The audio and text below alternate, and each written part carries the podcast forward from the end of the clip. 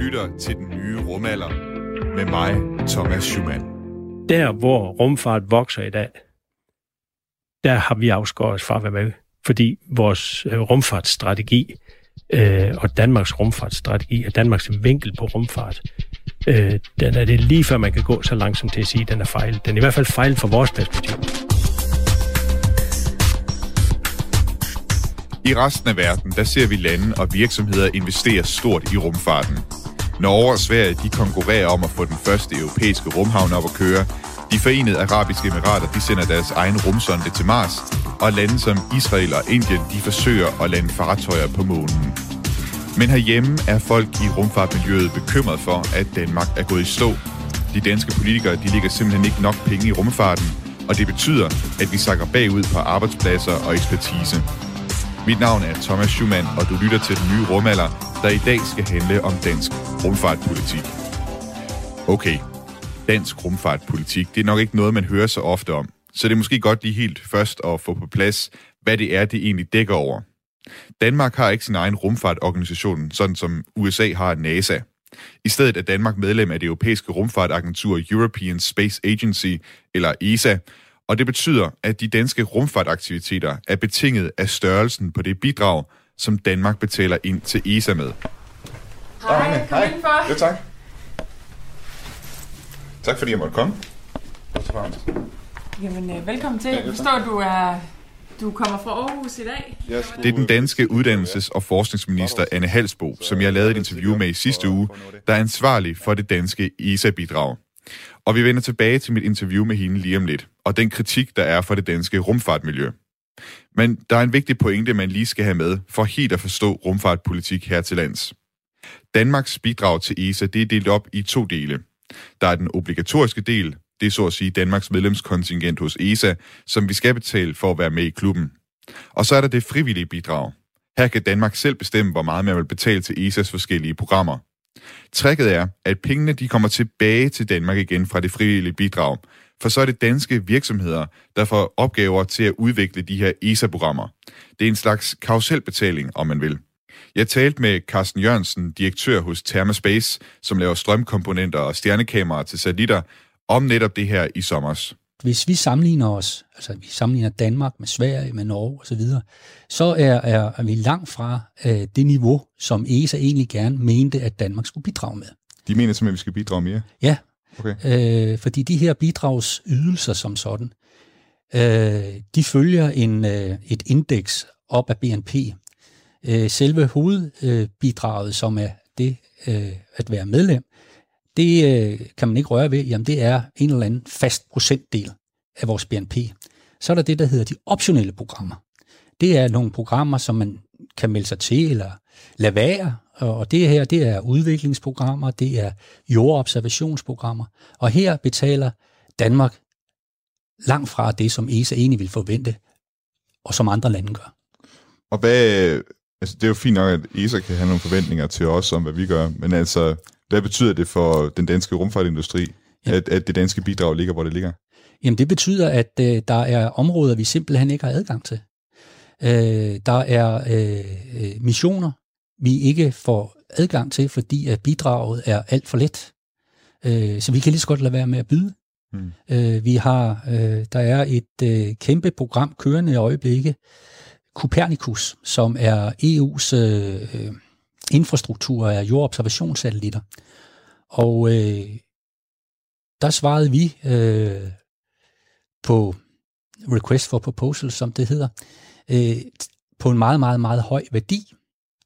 Øh, og det viste, og der var andre danske firmaer, der også øh, var inde på det, og det viste bare, at der var muligheder for, for, for dansk rumfartsindustri til at, at øh, faktisk kunne levere utrolig mange ting til den her infrastruktur. Mm. Øh, men bidraget til selve Copernicus fra Danmark øh, begrænsede de muligheder kraftigt. Okay. Så vi er ikke med i det omfang, som vi, som vi egentlig har kapacitet til. Nej, det er vi slet ikke. Okay. Altså, vi, vi, vi, vi er rent faktisk med øh, øh, med det, der svarer til det danske bidrag nu. Øh, så vi har skrevet kontrakter under med vores underleverandører osv. Ikke? Men, men det kunne være femdoblet. Og er det bare et rent spørgsmål, et rent politisk spørgsmål om, at man skruer op for bidragsknappen til ESA? Ja, øh, det, det lød nemt. Ja, ja. Men øh, ja, det er det. Det er jo en beslutning at sige, nej, vi vil satse mere på rumfart. Og for lige at få dimensionerne med i det her, så kan jeg sige, at det obligatoriske del, altså Danmarks medlemskontingent, så at sige, af ESA, det ligger på 117,5 millioner kroner for 2020, mens det frivillige bidrag, det ligger på 120,9 millioner kroner. Og Carsten Jørgensen, han er altså ikke den eneste, som mener, at Danmark kunne gøre langt mere i rumfarten. Jeg talte også med Niels Bus, direktør hos Scomspace i Aalborg, der laver mikrosatellitter, og han var ret klar i spyttet om, hvad han mener om den danske rumfartpolitik. Man kommer ikke langt inden for rumfart, hvis ikke man bruger ESA til at bygge kompetencer op med. Så kan man bygge det kommercielle oven på det. Men Danmark har ikke penge til at supportere det. Mm. Og det betyder, at når vi øh, arbejder for sådan nogle projekter, så bliver de mennesker ikke ansat i Danmark. Så bliver de, de ansat andre steder? Så bliver de ansat i Luxembourg, okay. ja. eller bliver ansat i Sverige, eller andre steder, hvis det, hvis det er det, der er nødvendigt for os. Og det er, det er det, så kan man sige, der hvor rumfart vokser i dag, der har vi afskåret os fra at være med, fordi vores øh, rumfartsstrategi øh, og Danmarks rumfartsstrategi og Danmarks vinkel på rumfart, øh, den er det lige før man kan gå så langsomt til at sige, at den er fejl. Den er i hvert fald fejl fra vores perspektiv. Det, det er virkelig en dårlig ting, at vi skal ansætte i udlandet frem for i Danmark. Øh, siger du simpelthen, at på grund af at, at, at det danske ESA-bidrag, øh, at det er så småt, og hvad skal man sige, indsatsen er så lille, at, at der, hvor det land, det startede i, det er faktisk der, hvor det er, at I, I står svagest, eller hvad? Ja. Okay. Helt konkret. Og helt, helt, helt, helt absolut. Vi har ikke en skarp øh, øh, øh, rumfartsstrategi, der tager udgangspunkt i, at der er noget, der hedder New Space i dag. Øh, øh en, en, en, øh, hvor at, at der er nye muligheder inden for rumfart. Øh, vi, vi, vi har en rumfartsstrategi, som er baseret på, at rumfart er forskning og udvikling, og ikke et erhverv, som er ved at starte op. Ikke, en, ikke noget, som, som man, man, man skal se som et domæne. Der er forskel på, om man ser det som et fag, eller man ser det som et domæne. Et domæne, hvor der er mange forskellige aspekter, som samfundet burde, burde drage nytte af. Det gør vi ikke i Danmark. Og det er, en, det er, det er blevet til et problem nu. Og det stopper ikke der. Michael Linden Wørnle, astrofysiker hos DTU Space, han mener også, at det står galt til med den danske rumfartsstrategi. Det er for mig en gået, at vores politikere ikke kan se det her, fordi vi med, med rumforskning og rumteknologi, hvis du kommer op på et vist tilstrækkeligt niveau, så du netop får det her, der er et enormt uforløst vækst, vækstpotentiale, plus at du også gør alle de andre ting, vi råber efter, netop øh, højtuddannede unge øh, virksomheder, der bliver kvalificeret til internationalt samarbejde, en, en, en grøn omstilling til, at vi holder op med at fokusere på fossile brændstoffer og gøre andre ting.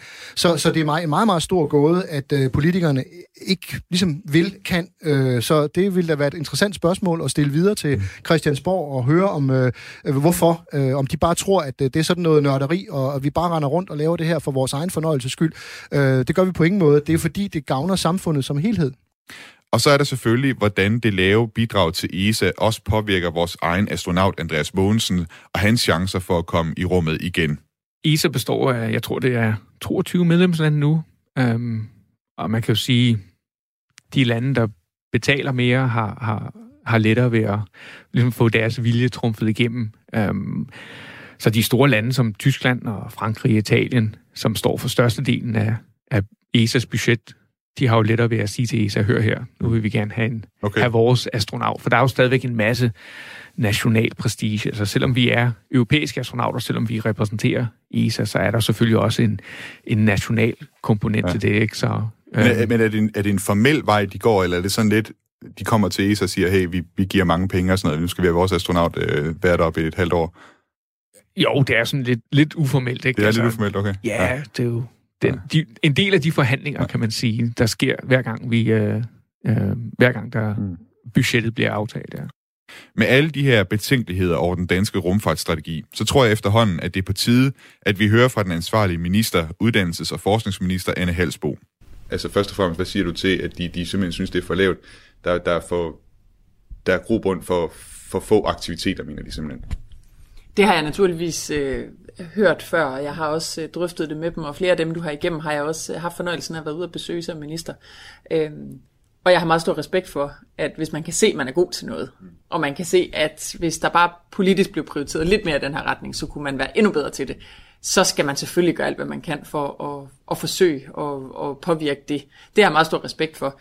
Øh, vi ender med at bruge øh, Altså i år 238 millioner, øh, næste år formentlig op imod en kvart milliard øh, på ESA. Øh, og det, det er selvfølgelig mange penge. Det kunne godt være højere. Øh, det er der andre lande, der vælger at gøre det til, men så skal vi jo prioritere det. Øh, og det har der ikke politisk øh, sådan bredt set i Folketinget været, været stemning for. Men nu vil jeg se, hvad hedder det, øh, de øh, finanslovsforslag, der er øh, frem til 2022, øh, og det er jo, så vidt jeg kan huske min statskundskab rigtigt, øh, så er det jo regeringen, der ligesom laver udspil mm. til det, ikke? Og, og dermed så sidder du jo også og har en, en finger med i det, eller siger, hvad er det, der fra, fra mit ministeriets side skal, skal med til det her. Og der kan jeg jo se, at, at forslaget til det ikke, den ikke-obligatoriske del, altså den frivillige del, den er konstant i 2021 og 2022. Du har ikke øh, været inde og lave noget udspil i forhold til et højere EC-bidrag? Eller hvad? Altså, jeg tror faktisk, den har været konstant i øh, vel nærmest et år 10, eller sådan noget, har vi ligget på, øh, på omkring øh, de tal, jeg lige nævnte før. Øhm, og det, øh, det kan man sagtens have holdninger til, om er for lavt eller for meget, eller så videre. Øh, jeg kan godt forstå de, øh, de stærke stemmer, du har igennem, at de, de kunne ønske sig det anderledes, og jeg lytter selvfølgelig også til, hvad, hvad de har af pointer. Det kan der også sagtens være noget pointe i. Øh, men, men her nu har vi, har vi prioriteret det på den måde, du, øh, du sidder med. Altså sådan en status quo i virkeligheden, selvom de jo egentlig ude i industrien går og siger, at vi kan få meget mere ud af det. Mm. Altså en af de ting, de siger, det er jo også, altså det er en god investering fra dag et mere eller mindre, ikke? fordi man får fire gange igen den krone, man ligger i øh, investering i rummet. Er det ikke noget, der gør, gør indtryk også? Men det er jo heldigvis noget, vi generelt ser, når vi investerer i forskning. Øh, vi har jo faktisk øh, lagt ekstra penge oveni, hvad, hvad der ellers er kutyme øh, fra regeringens side til vores samlede forskningsbudget i år. Netop fordi vi tror på, at det er en stærk muskel. Øh, ikke mindst i en tid, hvor der er økonomisk øh, smalhals, og hvor vi har brug for at få genoprettet dansk økonomi. Der er der brug for øh, at forske. Der spiller rumforskning selvfølgelig en rolle, men det er der også rigtig meget andet, der gør. Kommer vi til at se et øh, forslag fra din side om at øge det, det frivillige bidrag? Altså indtil videre så er den obligatoriske del øh, øget, men, øh, og, og selvfølgelig kigger jeg på fra år til år, hvordan, øh, hvordan den, den frivillige del skal ligge. Øh, men her nu, der er finanslovsforslaget, som, som du ser det. Okay, så frem til 2022, der, der regner vi ikke med, at, at det bliver øget i hvert fald? Altså, mit udspil er, at, øh, at vi ligger stabilt. Jeg kan godt høre de stemmer, der, der siger, at det skulle endnu højere op, og det, det lytter jeg selvfølgelig også til, og det er også noget, vi diskuterer. Men her nu, der, der, er vi, øh, der har vi udsigt til den der kvarte milliard øh, i, i ESA-bidrag, som også giver rigtig meget igen, øh, ikke mindst til danske virksomheder. Men jeg, jeg er måske lidt svært ved at forstå, hvad det er, der holder os tilbage. Hvis potentialet er så stort, som de siger, altså fire gange igen, øh, det er også dansk industri, der står bag den der undersøgelse, ikke? Og så man sige, i forvejen, det frivillige bidrag 120 millioner, det er jo ikke, er jo ikke engang en promille, så vidt jeg ved, på det danske øh, finanslov. Hvad er det egentlig, der holder dig tilbage fra at, at lave et forslag om et, et større frivilligt bidrag? Jamen det er et spørgsmål om prioritering. Mm. Det er et spørgsmål om, at dansk industri også ønsker sig forskning i alt muligt andet. Det gør vores, øh, vores virksomheder og vores erhvervsliv generelt. Øh, men det er også et spørgsmål om, at vi jo har fokuseret vores finanslovsforslag og kommer til at gøre det yderligere her i den kommende tid. Meget målrettet hvor den grønne omstilling også har rodfæste i Danmark. Øh, og der kan vi jo se, at der er nogle øh, store teknologiske potentialer, blandt andet i at lagre energi, opfange CO2 osv., som, som er banebrydende vigtige, for at vi kommer i mål med 70% målsætningen. Og derfor så kommer de også til at fylde meget, og det bliver en stor prioritet for regeringen. Øh, det betyder ikke, at vi skærer på ESA, tværtimod, men, øh, men det, er, det er en del af den øh, prioriteringsøvelse, der gør, at vi ikke giver det et kæmpe hop en af de ting, som jeg var overrasket over øh, at høre, det er jo Niels Bus fra Gomspace, der simpelthen siger, at den danske rumfartsstrategi, den har fejlet. Og han siger, at det primært er fordi, at, man, at vi i Danmark ikke kigger på rummet som et erhverv. Vi kigger på det med de her forskningsbriller. Det gør du jo selv sagt også i kraft af den øh, ministerhat, du har på. Ikke? Øhm, hvad, hvad, har du gjort dig nogle tanker om, om, om det her, hvad skal man sige, den her rumfartbranche? Om vi skal til at tænke mere i det som et erhverv, lidt mere som et erhverv, en erhvervssatsning, lidt ligesom med, med vindmøller, som man også har gjort. Det var også en af de paralleller, han drejede. Jeg synes, det er en øh, fascinerende historie, de har så hos Gumspace, og jeg synes, det er et vildt spændende udviklingsarbejde, der er sket hos dem. Jeg har haft fornøjelsen af at besøge dem, og det var en, øh, det var en stor oplevelse. Øhm, så, så stor opbakning til en, en vigtig dansk virksomhed der. Øhm, om det decideret er sådan, at, øh, strategien over de senere år, og dermed også min forgængers øh, fokus på det her, er fejlslagen. Det, det synes jeg er en hård dom. Øhm, men vi er ved at se på, på strategien, og vi er ved at, at forny det arbejde. Øhm, og selvfølgelig er det vigtigt, når vi taler rumforskning, ikke kun at spille på fascinationen af det ukendte og alt det, vi har med fra barns ben, men også fascinationen af, hvad det kan som, øh, som eksporterhverv, og hvad det kan i forhold til den grønne omstilling. Kunne man forestille sig, at, at rumområdet, det er noget, som måske også kommer til at ligge mere over i Erhvervsministeriet på et eller andet tidspunkt? Er, det noget, der er, er der noget snak internt øh, med dine kolleger derovre? Jamen heldigvis, så er der øh, i mindre og mindre grad et stort hul mellem de to verdener. Øh, det er noget, erhvervsministeren og jeg grundlæggende taler øh, en del om. Hvordan får vi ligesom erhvervspolitikken og forskning og uddannelse flettet meget mere sammen. Øh, og det gælder også rumområdet. Og, og på den måde ligger ruminteresser og rumområdet jo hos os begge to.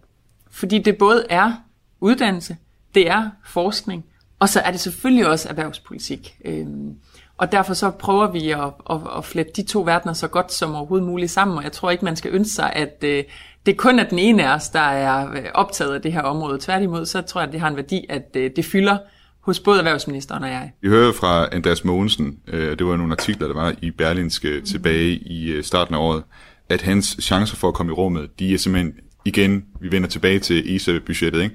de er simpelthen direkte påvirket af ESA, det danske ESA-bidrag.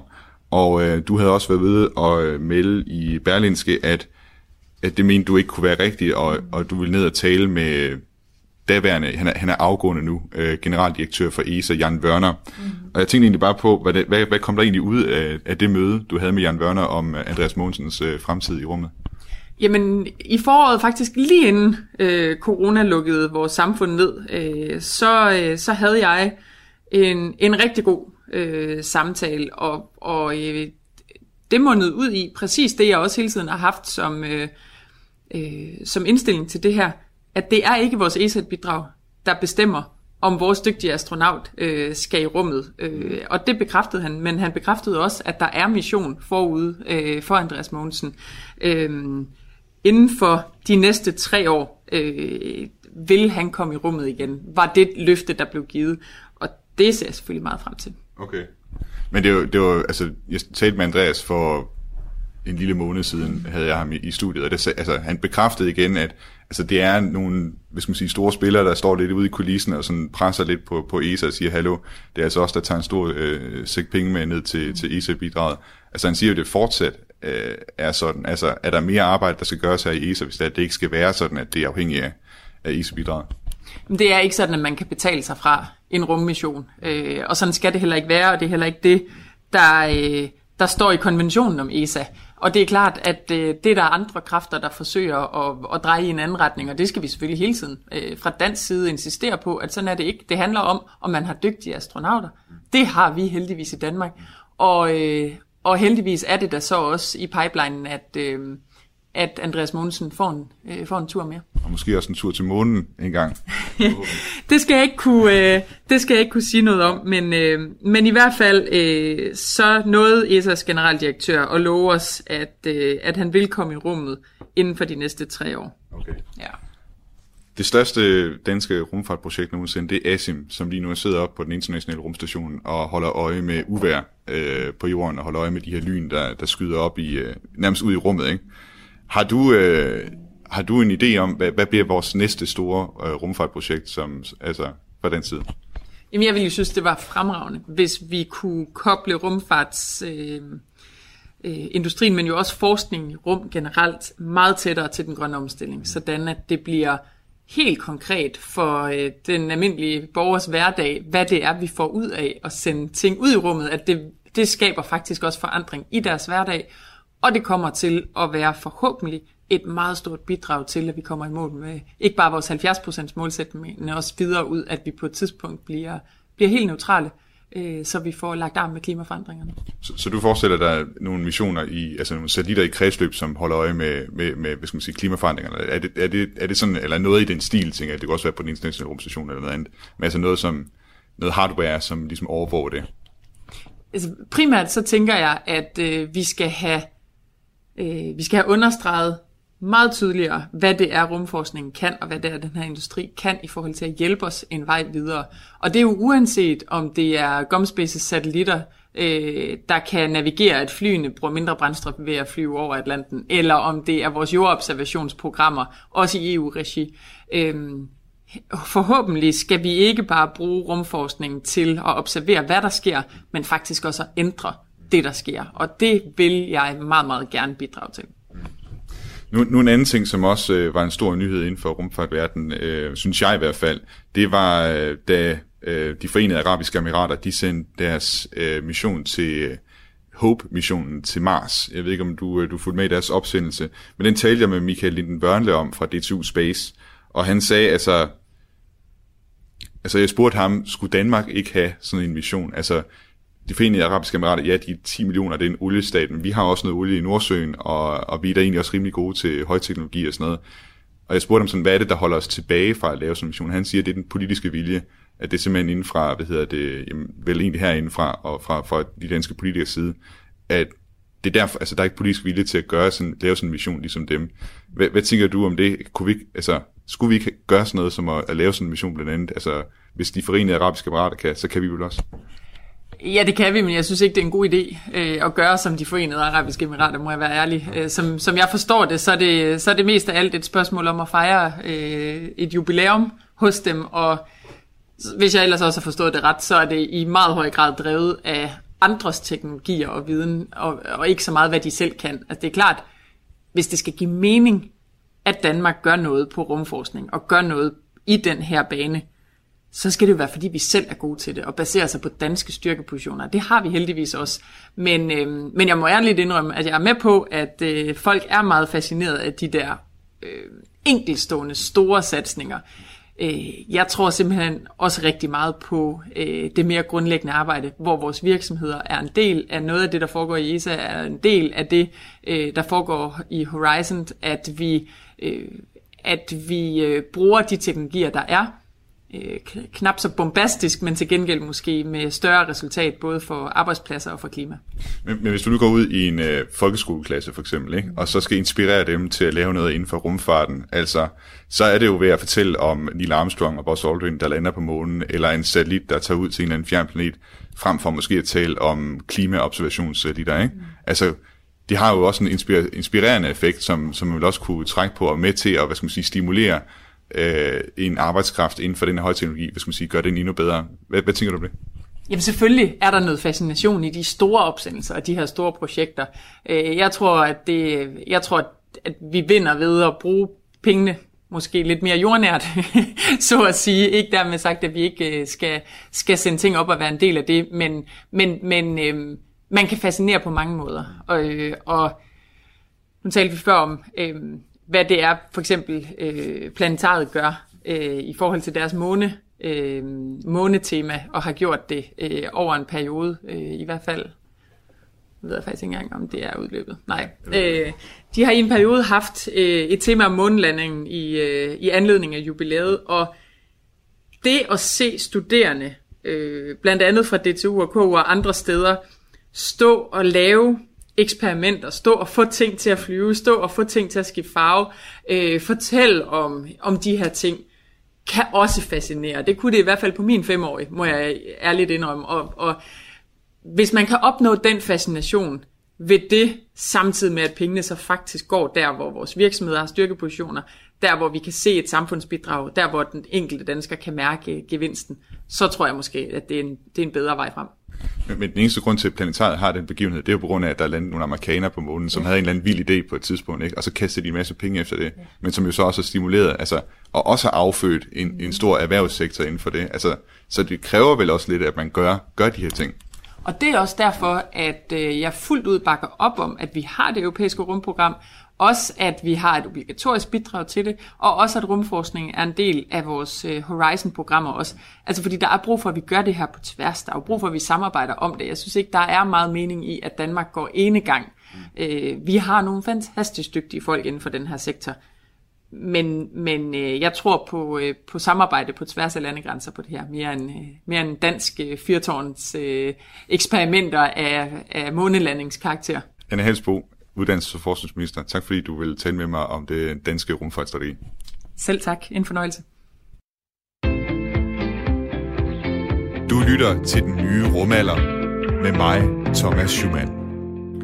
I dagens udsendelse af den nye rumalder, der taler vi om dansk rumfartpolitik, og vi har lige hørt fra uddannelses- og forskningsminister Anne Halsbo om, hvad hun siger til de røster i dansk rumfart, øh, i det danske rumfartmiljø, som mener, at der simpelthen sker for lidt i dansk rumfart.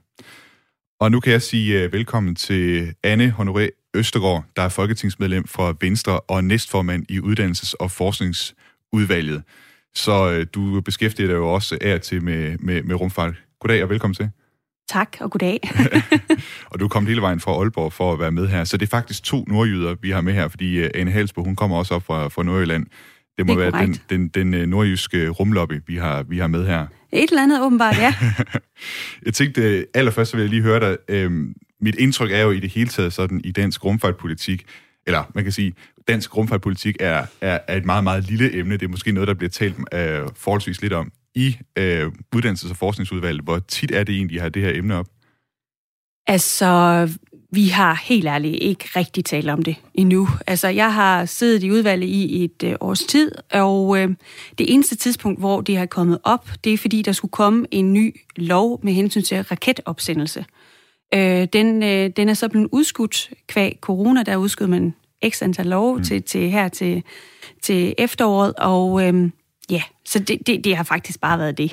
Det er nogle regler, som skal gå ind og begrænse, hvor, hvor meget man øh, sender raketter op fra dansk territorium. Ja, Ja, lige præcis. Det ja. er det, forslaget går på. Øh, som når man læser det med ukendte briller, øh, og de briller, det mener jeg faktisk der, hvor jeg var, da jeg startede med at læse det, der lyder det meget fornuftigt. Hvis man så begynder at gå ind i det, kan man godt se på, at det kan godt være, at det egentlig ikke er helt så godt. Mm. Øhm, og det skal vi, nu må vi jo se, hvordan det kommer til at være igen. Jeg tror faktisk, at de kommer til at justere på det, de har skrevet i det, øh, sådan at det kommer til at være anderledes, men I don't know. Nu må vi se, når det engang bliver fremsat igen.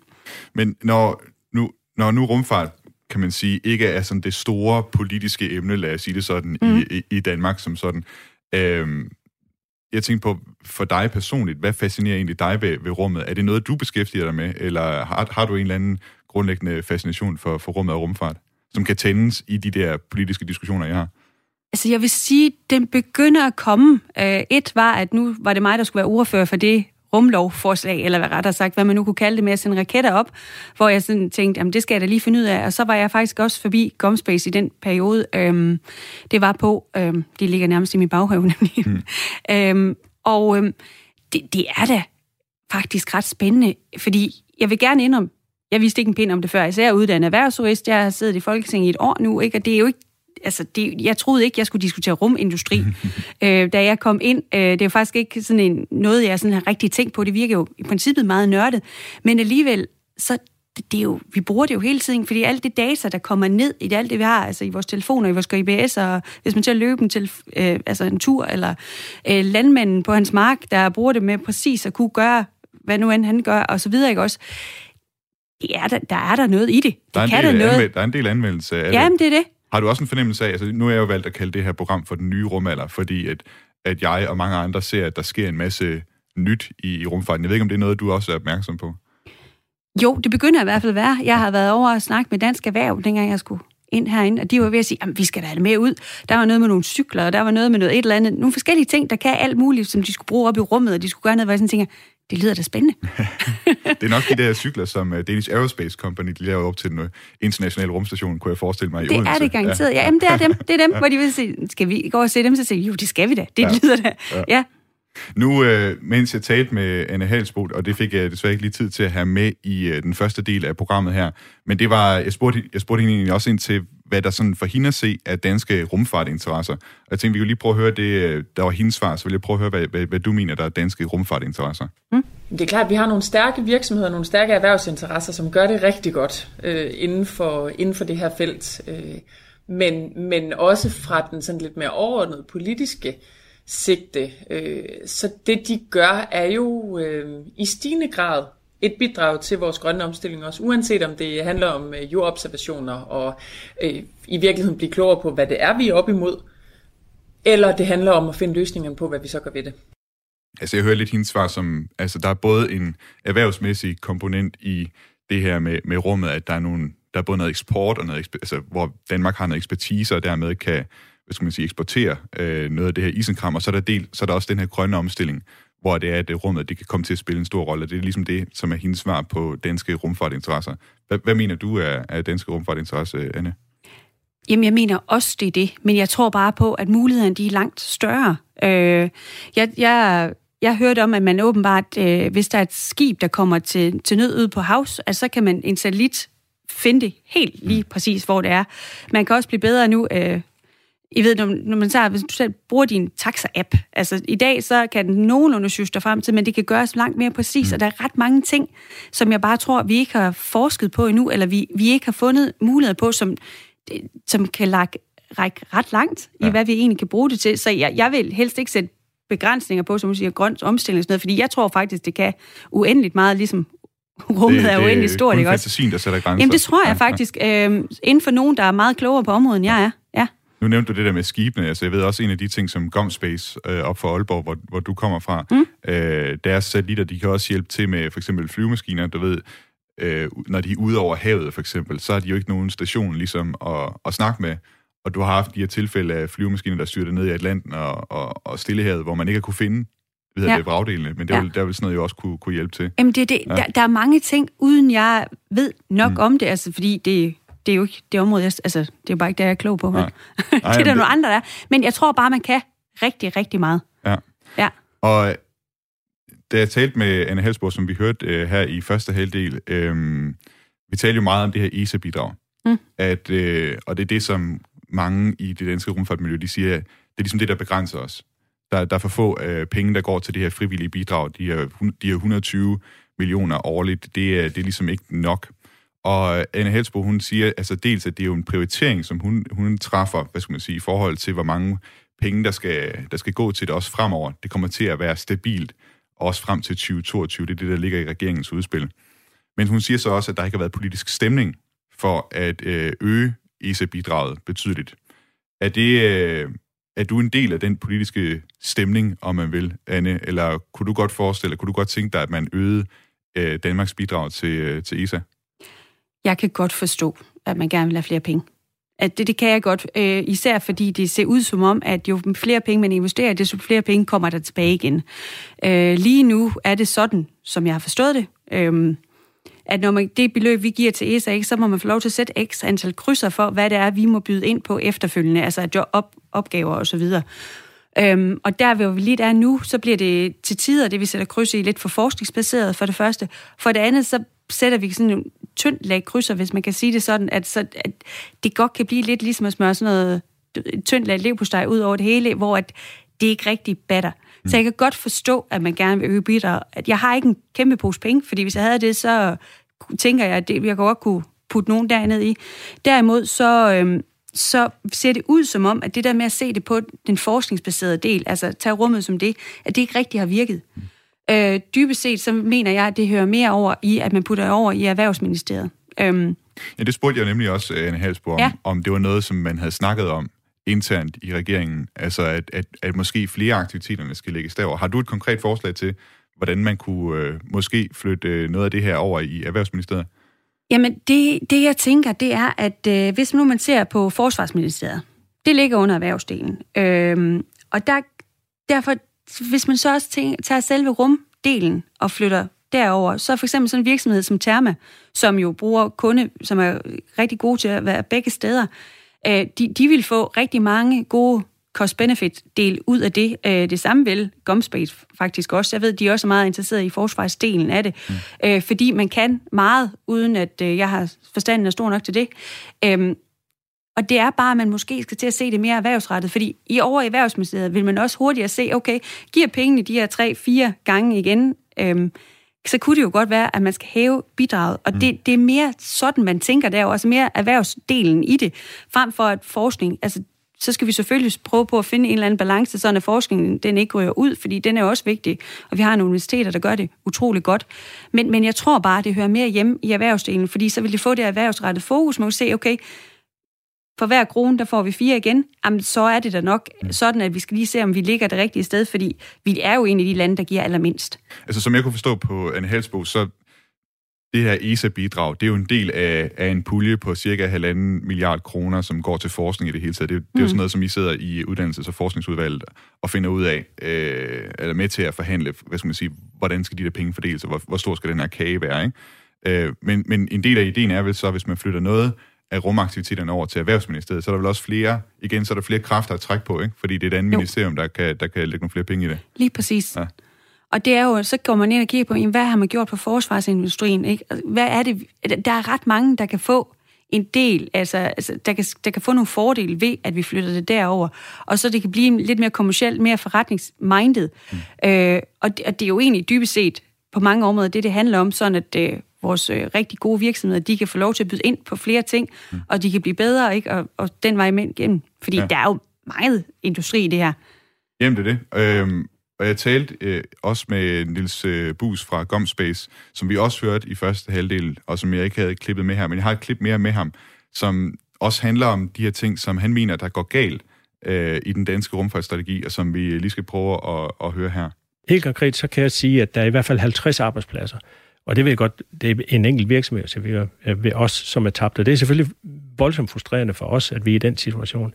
Men vi går også tabt af en god fremtid, fordi rumfart er det nye domæne, det er den nye frontier på mange måder, hvor at vi vil kunne komme til at skabe mange virksomheder, øh, øh, og, og det kan godt ske, at man ikke opfatter rumfart som det, men der, der starter masser af nye virksomheder op, øh, øh, små opstartsvirksomheder, som også skal starte op i Danmark, og den, er den slags ting, som skaber endnu flere nye arbejdspladser, så vi kan skabe et, et, et miljø inden for det her område.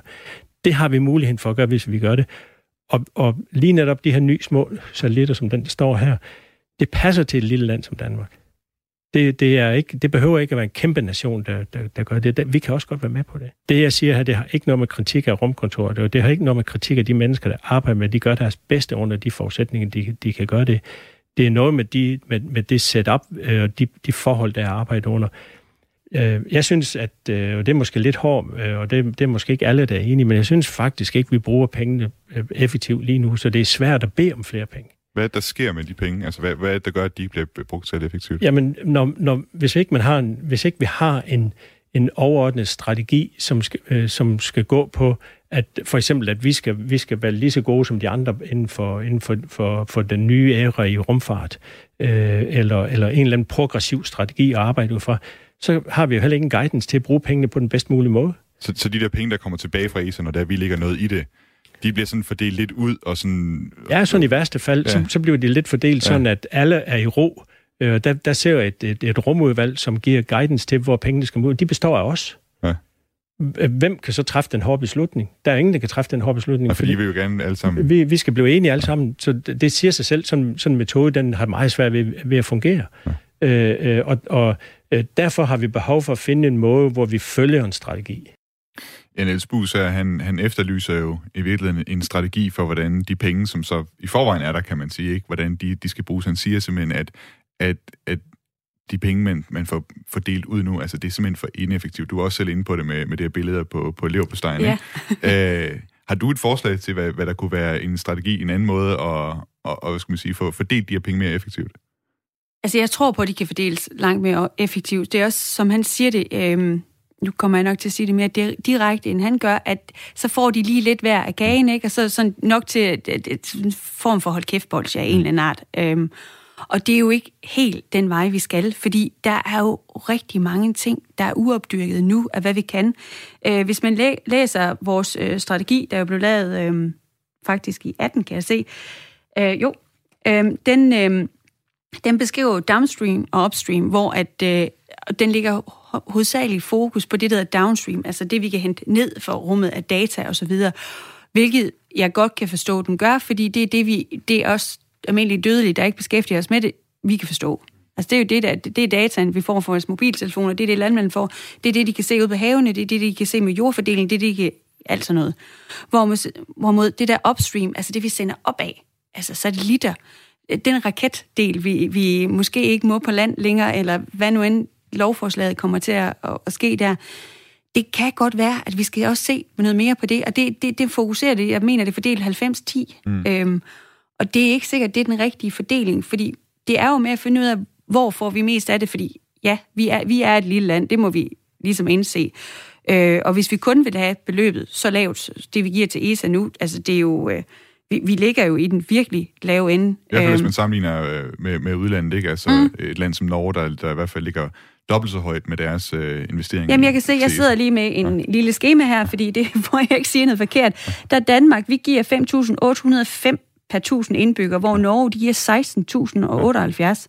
16.078 øh, per 1000 indbyggere. Det er jo ret stort forskel. Øhm, og øh, de siges, at det, de får, det, det, det får de der altså også pengene ekstra antal gange igen. Der ligger nogle gamle rapporter, som jeg siger en 3-4 gange tilbage. Mm. Øhm, og det er der værd at kigge på. Og det er jo også derfor, jeg siger, at vi skal have det mere erhvervsmindede delen. Fordi den der øh, forskningsbaserede tilgang, vi har set på det nu, det, det er bare ikke, der har man ikke en kommersiel tilgang til det. Hvad det er der, som vi siger, der hvad kommer fra, om det kan svare sig. Ja. altså, giver det mening? Fordi kan vi få pengene igen? Hvad er det, vi kan få? Vi, vi skal jo udnytte det her bedst muligt. Og det er ikke sådan, jeg kommer med den helt store, øh, forkromede løsning på, hvordan vi skal det var gøre det. det, jeg skulle spørge ja, om. jamen, det har jeg ikke. Øh, og det, fordi det ved jeg simpelthen slet ikke nok ja. til. Men jeg er sikker på, at der er masser, der godt lige vil være med til at bidrage til, til for eksempel, altså nu er der jo en strategi frem til 2022, ikke? Øhm, og lige nu diskuterer vi alle sammen corona desværre. Øhm, men så kan det jo godt være, at man skal bruge næste år til at finde ud af, ligger det rigtigt? Og hvis det ikke gør, hvor skal det, altså skal det så nok ikke over til erhvervsdelen? Og hvordan får vi ligesom sikret, at det kommer til at fylde mere? Fordi før jeg kom ind i Folketinget, var det da ikke noget, et område, jeg sådan spekulerede på. Det var bare sådan mm. data på min, på min telefon, der skulle fungere. Øhm, ja. Altså man kan sige i hvert fald, altså mit indtryk er fra, når man, når man taler med de her folk, øh, der er ude i miljøet, altså de er jo klar, øh, og har jo også selv, selv lidt nogle forslag til, hvordan, Mm, hvordan det skulle præcis. gøres. Man kan sige, det var måske der, man skulle starte med, med at samle nogle idéer ind. Jamen, jamen, det er jo det, ikke? Og det har jeg jo slet ikke nødt lang tid nok på. Øh, Så fordi, hvis det er det, man gerne vil, så er det jo mere, at man skal til at hive dem ind, fordi det er jo dem, der har idéer om det, og, og ved noget mere om det, hvad man skal til. Øhm, så, så det er ikke sådan, jeg kommer altså, Nej. med en stor forkromet løsning. Nej. Det gør jeg altså ikke. Men det var jo også lidt det indtryk, øh, jeg fik af Anne Halsbo, altså at jo, det er noget, man skal kigge på, men, men vi er ikke så langt med at kigge på det endnu, kan man sige. Altså, så, altså hvor, hvor, lang, hvor lang tid kan vi egentlig tåle, at, at hvad skal man sige, at, at, at man siger, vi kigger på det, men, men der skal ske noget, ikke? Jo, men det, og det er du fuldstændig ja. ret i, det skal, fordi nu starter du ud med at spørge, hvor mange gange har du diskuteret rummet indtil videre, ja. ikke? Og så kan jeg sige, at det havde jeg så én gang, hvor jeg begyndte at læse om, fordi der var kommet et lovforslag. Det er jo ikke sådan, at vi havde siddet og diskuteret det sådan generelt i udvalget overhovedet. Øhm, og det skal vi jo nok til. Mm. I hvert fald til at finde ud af, ligger det rigtigt, og hvis det ikke gør, hvor skal det så ligge henne? Hvad med, hvad med et fast øh, punkt på dagsordenen i udvalget, der hedder, Der hedder rum, rumfartsstrategi? Ja, Ja. Jamen, det kunne godt være. Jeg er ja. sikker på, at uh, der er andre, der mener, det skulle være den grønne omstilling, men det kan den jo også bruges til, ja. at, at hjælpe os med den, ikke? Altså, det, den, den har jo uendelige muligheder, og det er jo det, der er vildt spændende. Ja. Nå, men altså, det, det lyder jo godt, at du øh, i det mindste, hvad skal man sige, det, det, jeg tænker også, når du er herinde og, og taler med om, om det her i, i programmet, så er det jo også med til at, at få det mere, mere frem på dagsordenen, kan man sige. Altså, øh, hvad hedder det, så håber jeg også, at det, hvad skal man sige, på en eller anden måde kan bidrage til den politiske diskussion. Ja, altså jeg vil gerne love så meget, at, øh, at jeg nu, når jeg kører hjem, at jeg så begynder ligesom at få det lidt mere på, i hvert fald for, at vi kan finde ud af til 2022, om det ligger det rigtige sted, og hvad det er, vi vil med det. Altså sådan, at vi får sparket lidt gang til, hvad er det, der skal ske. Det, det, det, vil jeg godt være med til at love, at jeg, jeg ligesom får sparket lidt til, til Ane på en rigtig sød og venlig måde. Øh, fordi jeg, jeg, jeg tænker ikke, at hun er specielt meget imod noget som helst af det. det. Det er jo bare forskning, så tænker man grøn omstilling, så tænker man den vej på, ikke? Og det er hvor, og der er ikke mange, der ligesom har rummet i, i, i baghovedet samtidig med. Det lyder godt. Mm. Øh, en ting, jeg også prøvede at foreslå, øh, Ane, det var øh, en dansk rummission. Altså, vi har jo faktisk haft danske rummissioner. Vi har haft Ørsted selv i den mm. i kredsløb om jorden, og lige nu der har vi det her ASIM, der er oppe på den internationale rumstation, som øh, hvad hedder det, måler uvær øh, fra rummet. Og jeg talte på et tidspunkt med Michael Linden Børnle om ikke, og spurgte ham, om ikke vi skulle have en dansk mission til Mars, for eksempel. Altså nu har vi set øh, de forenede arabiske emirater sende deres egen satellit til Mars, og det er jo et land, der er, altså det er godt nok dobbelt så stort i, i befolkningstal, ikke? Øh, som, som Danmark. Hvad, hvad tænker du, kunne det ikke være en måde også at sætte, øh, sætte det her på dagsordenen, så at sige, nu, nu sender Danmark øh, en mission til, til en anden planet? Måske Altså, Venus, for den Måske Venus. Ja. Ja. Er, det, er det fordi, du tænker, at kvinder de er fra Venus, og mænd er fra Mars? Er det derfor, Nej, det, det, det var nu ikke derfor, jeg tænkte mere, det er fordi, der er jo, blevet, der er jo lavet nogle nye opdagelser omkring øh, fosfin i atmosfæren, hvor det er, Ja. man siger, der kan måske være liv i øh, Venus' atmosfære. Så kunne det være Danmark, der ligesom opdager liv på Venus, eller ligesom for det. Ah, Ja. Skal vi gøre det? Og det kunne da være spændende. Ja. Altså, det, det, jeg siger ikke, det ikke kunne være spændende. Øh, men så er det jo, så er det jo mere forskningsdelen, end, end det er erhvervsdelen, Det er tænker rigtigt, jeg ja. måske. Ja. Og, og det er jo også det, sådan med mit forslag at flytte over erhvervsdelen, at jeg, jeg tænker, at vi skal jo lige passe på, at vi ikke, det ikke så går ud over forskningsdelen, fordi vi, vi skal jo... Der er mange spændende ting, man kan gøre. Nu kommer du selv på det der, som jo lyder helt crazy, men, men, men interessant, vil jeg sige, mm. at det gør, så det er ikke sådan, jeg afviser det. Det er heller ikke sådan, at jeg lige finder en pose penge til det, for det kan jeg ikke. Øhm, men, men der er bare mange ting, man kan gøre, det skal man huske. Mm. Det, jo mere jeg ligesom får dykket ned i det her, desto mere spændende bliver det jo, selvom at det er sådan et, øh, jeg tager det som sådan, og det kan godt være, jeg fornærmer nogen nu, men sådan et lille niche sjovt område, fordi det, det, det fylder jo ikke meget i det, vi taler om normalt, men man kan meget. Det er jo det. Det- altså, ja. det, det er jo netop det, at hvad skal man sige, dansk politik, det handler om, om, om meget andet, kan man sige, ikke? End, mm. end, end netop rumfart, hvor man, hvis man sammenligner med... Det er i hvert fald mit indtryk, ikke? Altså, nu, nu er jeg jo selvfølgelig også en, en nørd inden for det her område, ikke? Så det, det står også tydeligere frem, når jeg kigger på det, men når man ser på USA, ikke? Altså, de har NASA og et rumfartagentur, ikke? Og bruger det som sådan en slags national stolthed. Det er, på en eller anden måde er det lidt forbundet med det at være amerikaner, også mm. det der med at tage ud, og Ja. på en måde, som det ikke er med, som, med at være dansker på samme Jamen, måde, ikke? det, det, det tænker vi ikke rigtigt, Nej, vi kan, selvom nej. vi jo faktisk har sendt en ud i rummet. Ja. Hov. Øhm, og jeg ved, man også er ved at arbejde på at, at, at få en kvinde, der, der skal til at ind i det hele. De, er i hvert fald, de vil i hvert fald meget gerne, jamen, de vil i hvert fald gerne finde en, en kvindelig dansk astronaut, Okay. ved jeg. Nå, det vidste jeg ikke. Hva? Det er nyt for mig. Ja, ja, jamen, se. Tada. Okay. Det må jeg lige følge op på på et tidspunkt. Ja, Men en, en sidste ting, vi har uh, små fem minutter her til sidste af udsendelsen, og i forhold til det her med at skabe begejstring. Uh, og det var også noget, jeg egentlig spurgte uh, Anne Halsbo om. Uh, jeg har købt sådan et SD-kort her. Ja.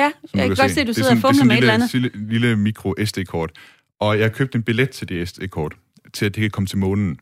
Og Jeg ved ikke, om du ved med sådan en mikro SD-kort, det er jo sådan noget, man kan, hvad skal man sige, smide data over på, billeder og alt muligt andet, ikke? Ja, Så det her SD-kort, jeg holder mellem mine fingre lige skal det til månen? det skal til månen, ja. Jeg har købt fedt. en såkaldt uh, moonbox, uh, hvor det bliver sendt til månen med noget, der hedder Astrobotic uh, og DHL. Er det rigtigt? Ja, de Nej, sender, hvor de sjovt. sender det op til næste år. Ja. Og, og min tanke med det er, at jeg vil gerne invitere alle, øh, hvad skal man sige, danskere, øh, til at være med til at finde ud af, hvad der skal på det her SD-kort. Også ligesom for, hvad skal man sige, højne interessen omkring øh, rumfart i det hele taget. Ikke? Ja. Øhm, og jeg spurgte, øh, da jeg var over ved, øh, hvad hedder det, Anne Halsborg, jeg spurgte hende, hvad hun godt kunne tænke sig, at der kom på det SD-kort. Vi kan lige høre, hvad hun sagde først, og så vil jeg gerne høre, hvad du synes, der skal på det SD-kort. Ej, det er et virkelig godt spørgsmål. Det er jo generelt helt fascinerende. Øh, men, øh, men generelt en, øh, en, øh, en fortaler for øh, ny viden, for nysgerrighed, for at vi hele tiden udforsker, for at vi øh, bibeholder den danske tradition, vi har for ikke at uddanne til at gå i takt, men faktisk uddanne unge mennesker til at gå nye veje og øh, tænke kreativt. Øh, det er, jo, det er jo helt fascinerende, hvad det er, vi kan øh, i vores tradition, og den måde, vores unge mennesker bare siger, det tror jeg ikke på, jeg prøver den her vej. Øh, og det er jo den måde, man ender i rummet på, og det er jo den måde, man ender med at lave verden om på. Og det er da om noget vigtigt. Altså, jeg tror, det jeg mener, det er, at der skal et budskab om, om de her ting på det her SD-kort. Jeg ved ikke lige, hvilken form det skulle være. Hun, hun sagde ikke lige konkret, hvad det skulle være. Hvad, hvad, Jamen, kan man, kan man, altså, hvem skal finde det? Jamen, det, det, jeg, jeg har egentlig lagt det ud til, at øh, alle derude, som har et forslag, og det kan jeg sige til lytterne, der lytter, der lytter med nu, hvis du har et forslag til, der, hvad der skal på det her SD-kort, så kan du skrive det ind til mig på den nye rumalder, radio4.dk, og hvis du selv har en hilsen, et eller andet af dig selv, du gerne vil give med på SD-kortet, så kan du også sende det ind. Og vi har Cool. faktisk, Hvor meget kan der være på? der er 128 gigabyte, det svarer til øh, 32 film i HD-kvalitet. Og der, har, der er kommet forslag ind, altså der er nogen, der lige har foreslået, øh, foreslået H.C. Andersens øh, eventyr. Ja. Øh, der er også en, der foreslog øh, hvad hedder det, TV2-sang, øh, De første kærester på månen. Den synes jeg selv var ret god. Så ja, vi- den, er da, ja. den er da god. Ja. Ja. ja, fordi sådan noget, eller hvem vi er Ja. ja. på vores lille jord Ja, ja, i, i det store rum, det, det er jo sådan noget, der skal med. Netop. Af en eller anden art, hvem vi er, og hvad er vi for nogen, og hvad, hvad tænker vi, hvad fylder ved os? Du, har- du, har, du har små øh, 40 sekunder til at komme med et forslag, hvis du vil, hvis du vil have noget konkret. Okay. Ellers så kan du jo også sende det ind på ja, på det kan godt være, fordi Ja. ja. der, der, der er jo mange ting, der kunne egentlig være interessant om, hvem, hvem vi er, hvad Ja. vi for nogen her i Danmark. Men det er også det, jeg tænkte et Ja. eller andet sted, at altså, den kommer til at stå derop øhm, på månen, at der ikke vinder vejr og sådan noget. Så det er også lidt en tidskapsel. Mm. Fordi øh, der er ikke noget, der ligesom nedbryder den naturligt, på andet end meteoritter, hvis vi er uheldige. Ikke? Så Ja. det, det kommer til at være sådan en tidskapsel for eftertiden. Ellers så kan det være sådan noget, vi så om 100, 200, 1000 år vil sende op for at høre om, hvordan det var i Danmark Lige præcis. her i 2020. Det kunne sagtens være, også være en mulighed, at man altså, lidt, lidt geologisk går tilbage, eller hvad skal man sige, arkeologisk. Ja, spændende. Ja, ja, det synes jeg også. Og øh, Anne, øh, undskyld, jeg, nu sagde jeg Anne. Det er Anne Honoré Østergaard. Skruet ned her. Tak fordi øh, du var med, altså næstformand i øh, hvad hedder det, Uddannelses- og Forskningsudvalget for Venstre. Og øh, det, du har lyttet til, det er den nye rumalder med mig, Thomas Schumann. Du kan som altid øh, finde ældre udsendelser inde på Radio 4's hjemmeside, og ellers lytte med på mandag, hvor vi sender igen. Og som sagt, hvis du har et forslag til, hvad der skal på det SD-kort, så send det til den nye rumalder, radio4.dk. Ellers vil jeg bare ønske jer alle sammen derude en god uge. Ad Astra.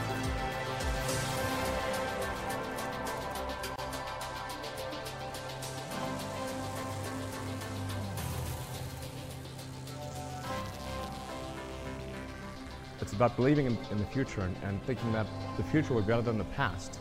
Um, and I can't think of anything more exciting than going out there and being among the stars. That's why.